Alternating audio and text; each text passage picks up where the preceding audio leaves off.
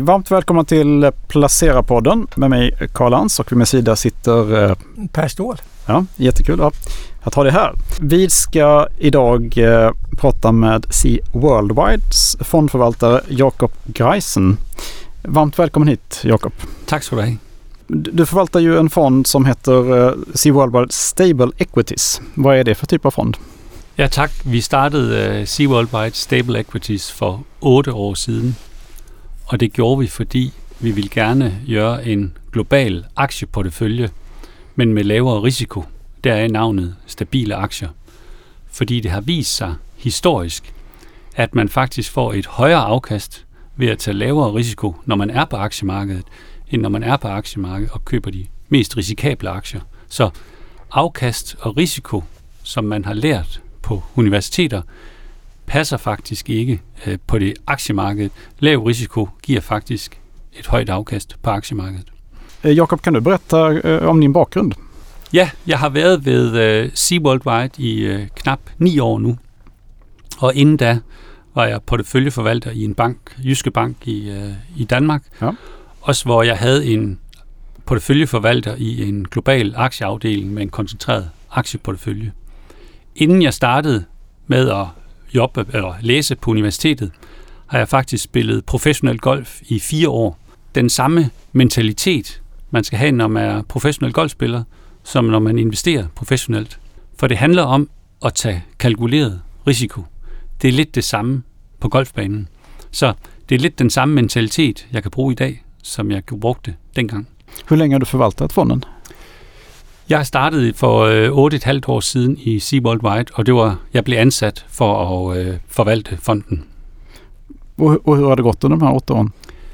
Jamen, det er gået øh, rigtig fint. Vi, øh, vi vil gerne gøre, som jeg sagde, en global aktiefond, men med lavere risiko. Og siden vi startede, har vi fået et afkast, som er lige det, man har på det globale aktiemarked, men med 20-25% lavere risiko. Specielt kan man sige i 2022, hvor mange havde det svært på aktiemarkedet, men der lavede for, øh, afdelingen faktisk et positivt afkast. Hur letar man stabila aktier? Hur ser en investeringsprocess ut? Den som ni har utvecklat eller du har utvecklat? Det, der er væsentligt, som vi kigger på, hvad er stabile aktier? Jamen, det er selskaber, som har en lav kursvolatilitet. Vi kigger, og vi, eller vi investerer i de selskaber, som tilhører den halvdel af det globale aktiemarked med lavest volatilitet.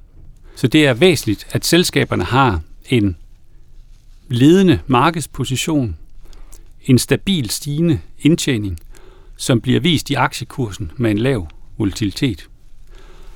Og den type selskaber kan man finde i alle sektorer og regioner. Eksempelvis er banker typisk meget cykliske, fordi man har udlån og tab på udlån. Men i den finansielle sektor har man også børser. Og børserne, dem der for eksempel har øh, Eurostox eller New York Stock Exchange, dem der ejer dem, jamen indtjeningen i de selskaber stiger rent faktisk, når der er finansiel uro i perioder, hvor mange andre selskaber har det svært. Så det handler om at finde forskellige artede investeringer med en stabil indtjening og stabilt stigende indtjening. Vi kigger efter de selskaber, som øger indtjeningen år efter, eller kvartal efter kvartal, år efter år, næsten ligegyldigt, hvordan det går i økonomien. Hur gör ni för att undvika värdefällor så ni inte hamnar i stabila bolag med stabil intjäning som ändå på något sätt är lite fast. Det blir en värdefälla. Eh, de ökar inte så mycket i pris som man önskar och så. Jamen, det er et godt spørgsmål, øhm, fordi det er vigtigt, at et selskab skal ju udover at være stabilt, skal det også være en god investering. Og den måde, som jeg gør det på, eller vi gør det på, det er, at vi har en kvantitativ model. Og det modeller er rigtig gode til. De tager regnskabsdata fra alle verdens selskaber, og så kan modellen rangere dem efter kvalitet, som fylder 50 procent i vores model. Kvalitet, det er balancerækning. Hvor mye gæld har de? hvor meget laver de afkast på investeret kapital. Det er 50 procent, så ved vi, at det er stabilt, og det er høj indtjening på selskaberne. Og så har vi værdiansættelsen vægter 35 procent. For det er vigtigt, at man køber en aktie, hvor der også er noget potentiale for kursstigninger. Men du nævner, hvordan undgår vi, at en aktie bare er rigtig billig, men egentlig ikke giver afkastet. Så i vores model har vi 15% momentum, og der kigger jeg på, om selskabet har en stigende indtjening, om selskabet gør det bedre end ventet. For det er rigtigt, en billig aktie har brug for noget, der antænder aktiekursen. Så et selskab, der kommer med positive regnskaber og som er billig, vil typisk blive belønnet på aktiemarkedet. Og modsat, så kigger vi jo på de selskaber, som pludselig er blevet for dyre, og tænker, jamen så er der høj risiko ved at være investeret i en dyr aktie. Så hvis indtjeningen er lidt skuffer, skuffer indtjening på det her område, jamen så er det ligesom et rødt flag for os, fordi så er det et signal om, at man skal sælge. Nu begynder risikoen i selskabet at blive høj. Jag tänkte bara på en följdfråga här. Eh, de här stabila liksom, kvalitetsbolagen eller hur vi nu ska definiera dem då som ni letar efter. Eh, blir det någon sektortilt? Är det, är det, är det några sektorer som gynnas av de här egen, du, du nämnde börsoperatörer, banker. Det är lite monopol och oligopolverksamheter får man väl ändå definiera den typen av, av verksamheter. Eh, blandar ni mycket där oligopolbolag eller hur man nu ska se det och vissa sektorer som gynnas? Som, som investor vil vi rigtig gerne finde selskaber, som har stærke markedsandele. Og kan vi finde selskaber, der har monopoler, er det rigtig fint, men det kan man jo ikke finde så mange af. Men selskaber med en stærk konkurrencemæssig position, og hvor det ikke er cyklisk. Traditionelt er der mange øh, forvaltere, som kigger på stabile aktier, og så har tænker på forbrugsgoder, nej, for consumer staples, øh, medicinal, øh, forsyningsselskaber. Men man kan fælde den her type selskaber i alle sektorer. Eksempelvis, hvis man kigger på bilsektoren, som jo vanligt set er meget cyklisk. Mm-hmm. Og det er det også, hvis om man køber nye aktier, eller nye biler. Typisk, når det går godt i økonomien, er folk villige til at købe nye biler. Og modsat, når det går dårligt, køber man ind til nye biler. Men når det går dårligt, så vil folk jo reparere på deres biler. Så dem, der sælger reservedele, gør det rigtig, rigtig fint. Så inden for bilsektoren, som er en af de mest cykliske, kan man finde Bullock, som er meget lidt cykliske, som øger indtjeningen kvartal efter kvartal. Men det er rigtigt, der findes selvfølgelig en lille overvægt mod medicinalselskaber, forsyningsselskaber, ejendommen. Men man skal huske på, at det man leder efter, kan man også finde. Så hvis man leder efter stabile selskaber, findes de i alle sektorer. Vad, vad är det för bilaktier du tänker på då framförallt med, med reservdelar och sådär? Ja, men i uh, USA har man noget, der hedder AutoZone, eller øhm, for eksempel AutoZone, som sælger reservedele. Og i en periode, hvor bilsalget i USA har været svagt, så kigger man på, jamen, hvad er den gennemsnitlige levetid på en bil i USA? Og den stiger. Den har været stigende, og det vil sige, efterspørgselen på reservedele er stigende. Så det er sådan en, en måde at kigge på selskaber. Hvis man selv for eksempel skulle kigge efter, har jeg et selskab eller en aktie, som er stabil, så kan man kigge på, om hvis jeg forbruger den her, det her produkt, er det noget, jeg vil skære ned på, om det går mindre bra i økonomien. For eksempel vil jeg tænde lyset mindre derhjemme, ikke så tit, så forsyningsselskaber er et godt sted at kigge efter stabilitet. Vil jeg drikke mindre kaffe, hvis det går dårligt i økonomien? Det er også tvivlsomt, så kaffe er også et rigtig fint område.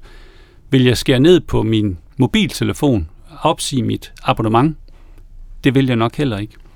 Så det er de områder, hvor vi som forbrugere ikke vil skære ned. Mm. Jamen det er også typisk selskaber inden for de områder, som har en stærk forretningsmodel. Mm.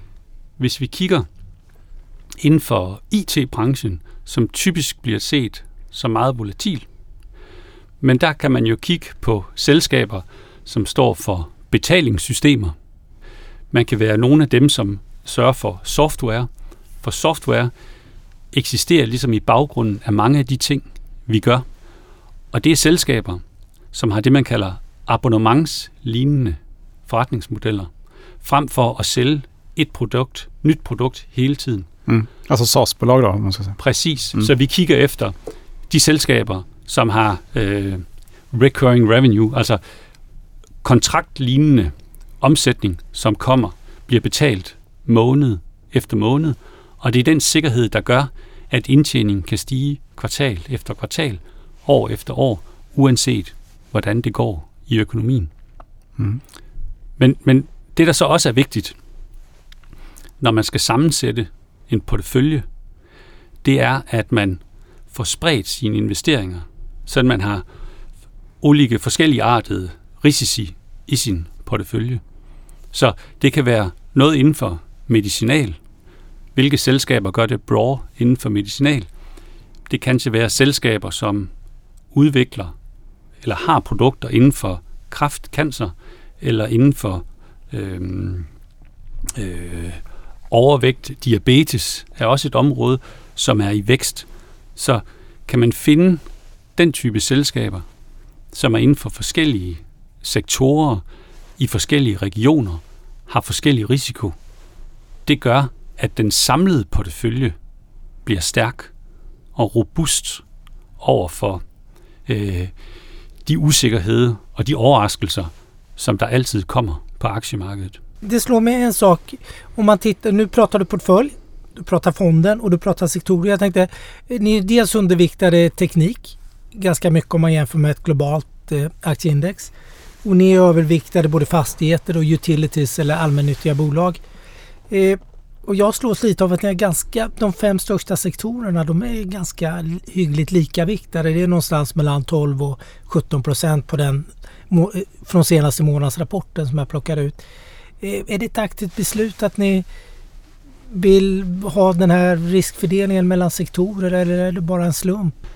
Nej, det er jo ikke helt tilfældigt, at øh, porteføljen er sammensat sådan. Men for eksempel inden for forsyning, synes jeg på nuværende tidspunkt, der er nogle fantastiske investeringsmuligheder. Vi har investeret i nogle af de forsyningsselskaber, som dels altså, eller som investerer i alternativ energi, vind, sol og vandkraft.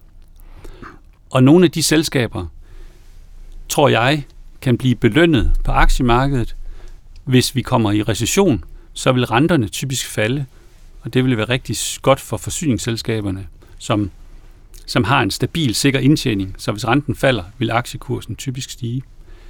Hvis vi får en økonomi, som gør det ganske bra, så vil olieprisen sikkert også stige, og dermed energipriserne stige, og så vil prisen på den elektricitet, de sælger, også stige. Så det er et område, hvor jeg synes, jeg vinder, eller aktierne vil formodentlig performe vel, om vi kommer i recession, eller det går bra, fordi de har en rigtig stærk pipeline af interessante investeringer inden for sol og vind, som vil øge indtjeningen i selskaberne, uanset hvordan det går i økonomien.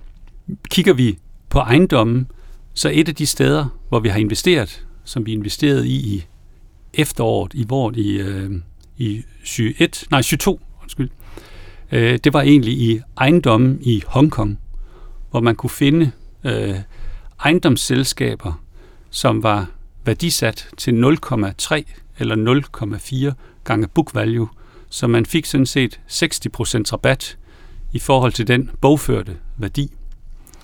Og det var på et tidspunkt, hvor Hongkong har været udsat for øh, kinesisk overtagelse, øh, oprør, øh, covid-nedlukning. Så jeg tænkte, at nu har vi haft alle de her negative ting. Aktien var prissat vældig, vældig billigt. Kanskje der kommer en positiv overraskelse, og så vil det være rigtig positivt for aktien. Så det handler også om at finde områder, hvor værdiansættelsen er meget attraktivt, og hvor der kan ske noget positivt. Det har så også gjort i Hongkong, efter Kina så har åbnet op efter covid, og været rigtig positivt for ejendomsaktier i Hongkong. Vi er også kommet til, nu snakker du om IT, informationsteknologi, selskaber. Der har vi øh, gennem 22 haft en fin vægt i IT-selskaber. Faktisk havde vi i 22 et positivt afkast i vores IT-selskaber samlet set, fordi vi investerer i nogle af de selskaber, som gør software med meget øh, stabil indtjening. Den var også stabil i 22. På nuværende tidspunkt er renterne steget i hele verden. Inflationen er på vej ned, så forbruget vil kanskje blive ramt en smule i den kommende periode. Derfor er der i mine øjne større risiko, større usikkerhed blandt IT-selskaberne, og derfor har vi trukket lidt af vores investeringer tilbage i det område. Ni, eh, du pratar om att ni vill ha, ha säker intjäning och sådär under en konjunkturcykel. Eh, ni äger ju tyska eh, eh, hyresbostadsföretag, till exempel Vonovia. Hur, eh, hur länge har ni ägt dem och, och hur tänker ni där? Tysk ejendomme er et rigtig, rigtig interessant område at investere i, fordi man i Tyskland har underskud, underudbud af ledige øh, lejligheder. Vi har investeret i Vonovia igennem et par år. Det har indtil været vores bedste investering.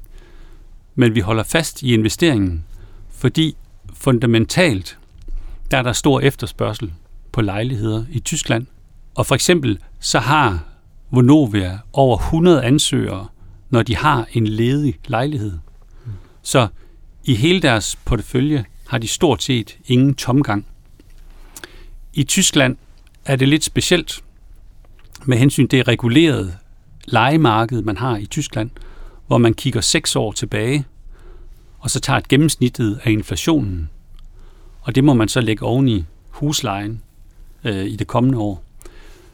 Nu har vi haft i 2022 9, cirka 9% inflation i mm. Tyskland.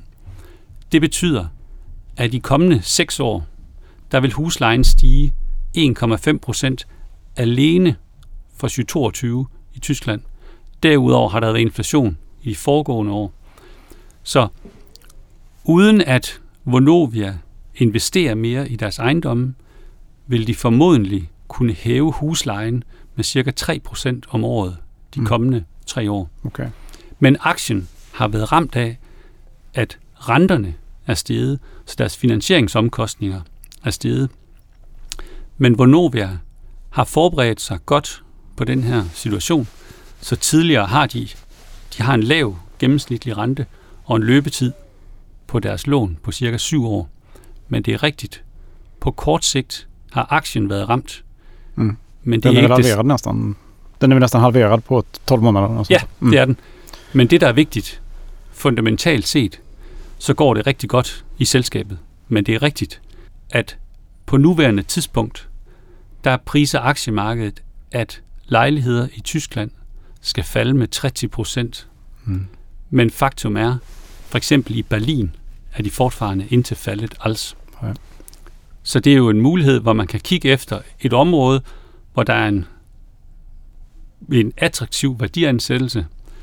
Det produkt, hvor vi har billige lejligheder, stor efterspørgsel, og så tænker jeg, øh, på et tidspunkt, så kan det være, at det bliver lige så bra som ejendommen i Hongkong. Mm. Investeringsmässigt. Ja, vad spännande. Jag tänkte svensk fastighetsmarknad har, det, har varit ganska stormigt under fjolåret. Är det något du tittar på och sett några möjligheter bland svenska fastighetsbolag eller har du hållit dig borta ifrån det? Jeg kender faktisk ingen svenske fastighetsbolag, øh, og udfordringen, så vidt jeg har forstået, det er, at mange bolag her har vældig kort finansiering, og derfor meget sjænselig over for en renteændring. Hvorimod i Tyskland har Vonovia, som vi snakkede om før, mm. en syvårig øh, gennemsnitlig øh, løbetid på deres lån. Så, og prissætningen på ejendommen i Tyskland er meget lavere end i resten af Europa. I Sverige er priserne på lejligheder øh, relativt høje. Jag har en annan fråga. Vi har pratat lite Tyskland nu. Vonovia, vi har pratat Hongkong. Eh, jag slog, eh, när jag tittar på fonden, ni är ganska underviktade i USA. Eh, ni har en stor övervikt i Tyskland och eh, även i hela Europa inklusive Storbritannien har ni en betydande övervikt. Eh, vilket säkerligen har varit bra nu sista månaderna när Europa har gått väldigt bra. Hur tänker ni där? Är det, hur, hur aktivt är det beslutet att vara underviktad i USA och överviktad i Europa? Det er rigtigt. Vi har en stor overvægt i Europa, og det er drevet af, at værdiansættelsen af europæiske aktier er vældig attraktiv sammenlignet med mange selskaber i USA. Og så har man kunnet finde i Tyskland selskaber inden for øh, boliger, som vi snakkede om. Der er også en børs i Tyskland, og der findes andre områder, hvor tyske selskaber gør det øh, rigtig, rigtig bra. Så det er en vurdering af, at det er her i Tyskland, man har kunnet finde den bedste kombination af en attraktiv værdiansættelse og en øh, meget stærk indtjeningsudvikling. Og så er det vigtigt at huske på, at typisk investerer vi i globale selskaber, så det er ikke vigtigt for os, om et selskab ligger i Tyskland eller USA. Et af de bedste eksempler er, vi har også investeret i for eksempel Nestle, men det har cirka en, tredje procent, en tredjedel øh, en, en, en tredjedel øh, indtjening i Europa, en tredjedel i Nord- og Sydamerika og en tredjedel i Asien. Er Nestle et europæisk selskab, et amerikansk selskab eller et asiatisk selskab? Nogle gange øh, er det lidt tilfældigt, hvor aktierne er øh, børsnoteret. Men vi har fordelen af at være en global aktieafdeling og kunne vælge i de områder og i de selskaber, hvor vi får den bedste kombination af stabilitet, indtjening og forudsigelighed. Det är väl samma med Deutsche Telekom till exempel, som ju har en stor del av omsättningen som kommer från USA då. Det er rigtigt. Ja, genom T-Mobile. Det er rigtigt. Øh, Deutsche Telekom ejer øh, knap øh, næsten 50 procent af T-Mobile i USA, og T-Mobile er det sel- teleselskab i USA, som har det bedste 5G-netværk, og de vinder kunder i USA. De har været igennem en stor investeringsperiode, men de investeringer bliver færre i de kommende år. Så den ejerandel, som Deutsche Telekom har i T-Mobile, er meget, meget interessant. Så det er rigtigt. Vi har investeret i, kan du sige, T-Mobile, men gennem Deutsche Telekom, mm. hvor Deutsche Telekom også har nogle attraktive øh, aktiver. Men ved at købe T-Mobile, det amerikanske teleselskab, gennem et tysk selskab, mm. får man det til en meget, meget attraktiv pris. Ni får det til rabatter altså. Præcis, og det kan vi godt lide som investorer. Ja, det forstår jeg.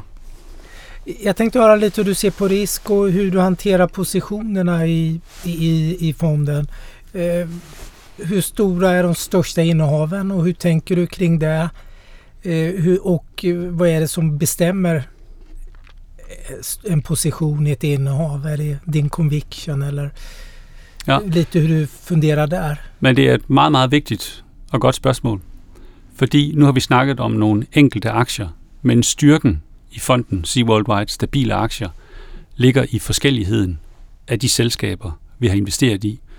For vi gør meget ud af at finde forskellige artede investeringer for at gøre afdelingen robust over for det uventede. Vi har mellem 40 og 60 aktier i porteføljen, så hver selskab har en vægt typisk på mellem 2 og 3 procent. Iblandt kan jeg gå på 4 procent, og iblandt gå ned på 1. Jeg kigger meget på, hvordan det går med indtjeningsudviklingen i selskabet, kombineret med værdiansættelsen. Sådan at hvis et selskab har en stærk indtjeningsudvikling, så kan det godt være, at aktien den stiger. Men stiger den så meget, at den begynder at blive meget dyr, så kan jeg enten reducere i vægten i selskabet, eller helt sælge selskabet, fordi jeg synes, det er for dyrt. Men jeg er meget opmærksom på også, at vi investerer i selskaber, hvor det går godt, og altid går godt. Så derfor kigger jeg også på, at om indtjeningsudviklingen er positiv. Så risiko er meget, meget vigtigt for mig. Man kan sige, om stabile aktier var et øh, fodboldbolag, jamen så vil vi stille op med selvfølgelig en målmand, men vi vil have syv forsvarsspillere, to defensive midtbanespillere og en vognlig midtbanespiller. Vi har ingen angriber. Mm. Nogle vil kanskje synes, at det var lidt kedeligt fodbold, Mm. men der bliver scoret meget, meget få mål mod Mm. os. Og det er lidt sådan, vi skal tænke. Man skal tænke Sea Worldwide stabile aktier som et defensivt fodboldhold. Når aktiemarkedet falder, så falder vi mindre end aktiemarkedet. Og det er rigtig vigtigt, når man er langsigtet investor, at man ikke forlorer penge. Jeg er selv investor i fonden, og jeg hader at tabe penge. Så det, der er vigtigt, det er at finde selskaber, som kan øge indtjeningen kvartal efter kvartal, og hvor værdiansættelsen er attraktivt. For på den måde, så kan man skabe en portefølje, som er mindre sårbar over for den økonomiske udvikling. Så risiko er der, hvor vi starter, når vi laver en investering. Det er vigtigt, at der er lav risiko i selskabet, og selskabet må rigtig gerne have en anderledes risiko, end det vi har i porteføljen i forvejen, for det skaber den største robusthed. Eksempelvis har vi også to guldaktier i porteføljen på nuværende tidspunkt. Og det har vi, fordi når der er stor øh, finansiel risiko, så søger folk typisk mod guld som en sikker havn. Og det passer rigtig fint ind i en portefølje, der skal have lav risiko. Det är Osisco Gold Royalties, är största guldaktien va? Ja, det er korrekt. Ja. Och vilken är den andra? Uh, uh, Wheaton uh, Precious Metal er også et selskab, vi Okay. investerer Ja, i. just det. Streamingbolag. Va? Præcis. Stora, störst i världen. Præcis. Og det er næststørste, ja. Ja. Men det, der er vigtigt, når man har et st- streamingbolag, som du kalder det, det er nemlig selskaber, som ikke selv udvinder guld, men de har, de har lånt penge eller investeret i nogle guldminer til nogle øh, råvareselskaber, og så bliver de betalt i guld. De bliver betalt i råstoffer. Mm. Så det er en måde, hvormed man har en eksponering mod guld og guldprisen, men man har ikke risikoen på produktions- eller udvindingsomkostningerne. Og det er en rigtig, rigtig, øh, synes jeg, en god måde at have eksponering mod guld, for det er eksponering mod guld med lavere risiko. Jag tänkte på en annan sak som jag slås av med din fond. Du verkar ha bra disciplin att sälja bolag. Det är inte alla förvaltare som har så tydlig strategi ibland. Men hur, hur tänker du kring eh, sälja, sälja ett innehav? Sälja delar har du varit inne lite på om de får för stor vikt. Vad får dig att fatta ett beslut av att sälja en aktie? Är det att ta hem en vinst långsiktigt eller har det varit en dålig investering? Det, der er vigtigt, når man investerer i aktier, det er, at man ikke øh, forelsker sig i sine investeringer. Og det er derfor, at det er så godt og disciplinerende at have en kvantitativ model, som også kigger på indtjeningsudviklingen. Hvordan gør selskabet det i forhold til resten af aktiemarkedet? Jeg kigger på, om selskaberne øger indtjeningen kvartal efter kvartal, og om de lever op til de forventninger, der er i aktiemarkedet. Om et selskab skuffer på indtjeningen, så vil jeg meget hurtigt sælge aktien. Fordi typisk, når et selskab nedjusterer indtjeningen, så er det fordi, at de er i problemer, og det tager typisk et, to eller tre år, før de er tilbage i en positiv udvikling igen. I stabile aktier, der kan vi selvfølgelig godt lide de selskaber, vi har investeret i, men hvis de skuffer os, så er jeg heller ikke bange for at sælge. For jeg tror på, at jeg kan finde et andet selskab, som er inde i en positiv udvikling. Hur ofta händer det att du, du säljer det senaste året till exempel? Hur, hur många bolag har fått lämna då fonden? Der er to ting, man skal være opmærksom på i stabile aktier. Vi har et indeks, som vi måler os op mod, som hedder MSCI Minimum Volatility Index. Det er et, et indeks, som er skabt på baggrund af det globale aktiemarked, MSCI All Country. Men man har lavet en optimering, en risikooptimering. Hvordan kan jeg lave en global portefølje med mindst mulig risiko? Så i mit benchmark, der bliver der faktisk udskiftet 22 procent, eller 20-23 procent om året i benchmark. Så større Så fyra år är omskiftelighed i benchmark, det gør også, at der er større omskiftelighed i min portefølje. Samtidig er jeg meget opmærksom på indtjeningsudviklingen, før det går, så jeg også har en større omsætning. Typisk, jeg vil investere i selskaber, som har en stærk forretningsmodel, som kan have stabil indtjening i kommende 3-5 år. Men jeg sælger også, hvis de skuffer, eller hvis et selskab bliver for dyrt. Så historisk har vi haft en ejertid på cirka et år i fonden. Okay. Mm. Men jeg er også meget aktiv på de positioner, vi har i fonden. Jeg kan have 1%, eller jeg kan have 4%. Så hvis et selskab falder i kurs, men indtjeningen er fortfarande bra, men så vil jeg typisk købe mere i selskabet. Hvis så aktiekursen stiger igen og bliver en lille smule dyrere, så vil jeg typisk reducere i min beholdning. Så jeg er meget aktiv i porteføljen for at sikre, at dels at risikoen er lav i porteføljen, men at de selskaber, som jeg har investeret i, at de har en stærk position. Har du något innehav som du har ägt hela tiden? Nu när du har, varit, du har förvaltat fonden i åtta år ungefär. Är det något som har hängt med eller, eller något som kommit in och ut ganska många gånger som du har lyckats tajma topp och botten? Jeg har flere selskaber, som jeg har haft og solgt og købt øh, til Borgs. Og, øh, og sådan har jeg en liste på flere selskaber, som jeg kan købe nu, om jeg ville, hvis der er nogle af de selskaber, jeg investerer i, skuffer. Så jeg har en reserveliste af selskaber, jeg kan investere i. Øhm, jeg har ikke nogen selskaber, som jeg har haft siden øh, start. Kanskje et selskab. Jeg er faktisk ikke helt, ikke helt klar over det. Det er ikke vigtigt for mig, om jeg har haft et selskab i 10 år. Det, der er vigtigt for mig, det er, at selskabet kan levere på indtjeningen. Hur tänker du kring kassan? Är du alltid fullinvesterad eller försöker du tajma marknaden lite genom att ha större eller mindre eh, kapital i kassan? Det, der er det interessante i stabile aktier, om man skal investere i stabile aktier, Seabold meget stabile aktier, det er ikke så vigtigt, hvordan man timer markedet, fordi, som jeg sagde, i 22 havde vi faktisk et positivt afkast. Volatiliteten har ikke været særlig stor i aktieafdelingen.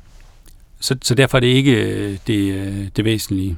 Jag, jag ser att eh, största innehavet är Brookfield Renewable. Hur, eh, vad är skälet till att ni har, att det är störst? Jamen, som jeg snakkede om, så er der faktisk nogle forsyningsselskaber, som er rigtig fint positioneret i det nuværende marked, fordi at de ejer, Brookfield ejer en stor portefølje af vandkraftværker i både USA og Sydamerika. Derudover har de en stor portefølje af vindparker og solparker. Og så har de en pipeline, altså en mulig opstilling af 100 gigawatt øh, i sol og vindparker. Så der er en rigtig, rigtig stærk pipeline af investeringer for de kommende 10 år. Og det er altså i et område, hvor du har, hvor de laver øh, elektricitet. Som jeg sagde, 70 procent af deres øh, elektricitet, som de har solgt på langsigtede kontrakter, er bundet op på inflationen. Så når inflationen i USA, kan jeg ikke huske, men er den 5 eller 6-7 procent i 22, så kan de altså lægge det oven i deres pris for 23. De har altid, når de opfører sol- og vindparker, har de låst øh, omkostningen ved at opføre parken fast, låst renten fast og lavet en langsigtet kontrakt med en aftager af energi. Så på den måde er der stor sikkerhed omkring indtjeningen, og der er en stærk øh, indtjeningsvægt. Jamen, jeg tror de næste 10 år. Så derfor gør det den aktie interessant.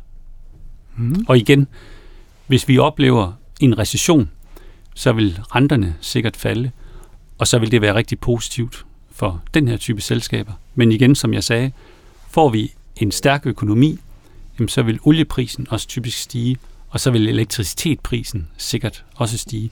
Så derfor er man garderet i begge situationer, og det er egentlig det, der gør det til en ekstra interessant investering, og derfor at det er min største position på nuværende tidspunkt. Jag förstår. Garderad åt alla håll liksom. Mm. Mm. Jättetrevligt att ha dig i studion eh, Jakob. Du får gå ut i Stockholm nu och shoppa loss här. Kronan är så svag också. Det är trevligt att vara dansk i, i, här, med det här tillfället. Jamen, jeg kigger også gerne efter aktier i Sverige, fordi jeg synes netop, at kronekursen er så interessant. Hov. Så Har du hittat jag någonting då? jeg har kigger på noget, Ja, men, men du har inte köpt något? jeg har ikke købt noget endnu, men Nej. øh, der er flere interessante selskaber i, i, på, på radaren.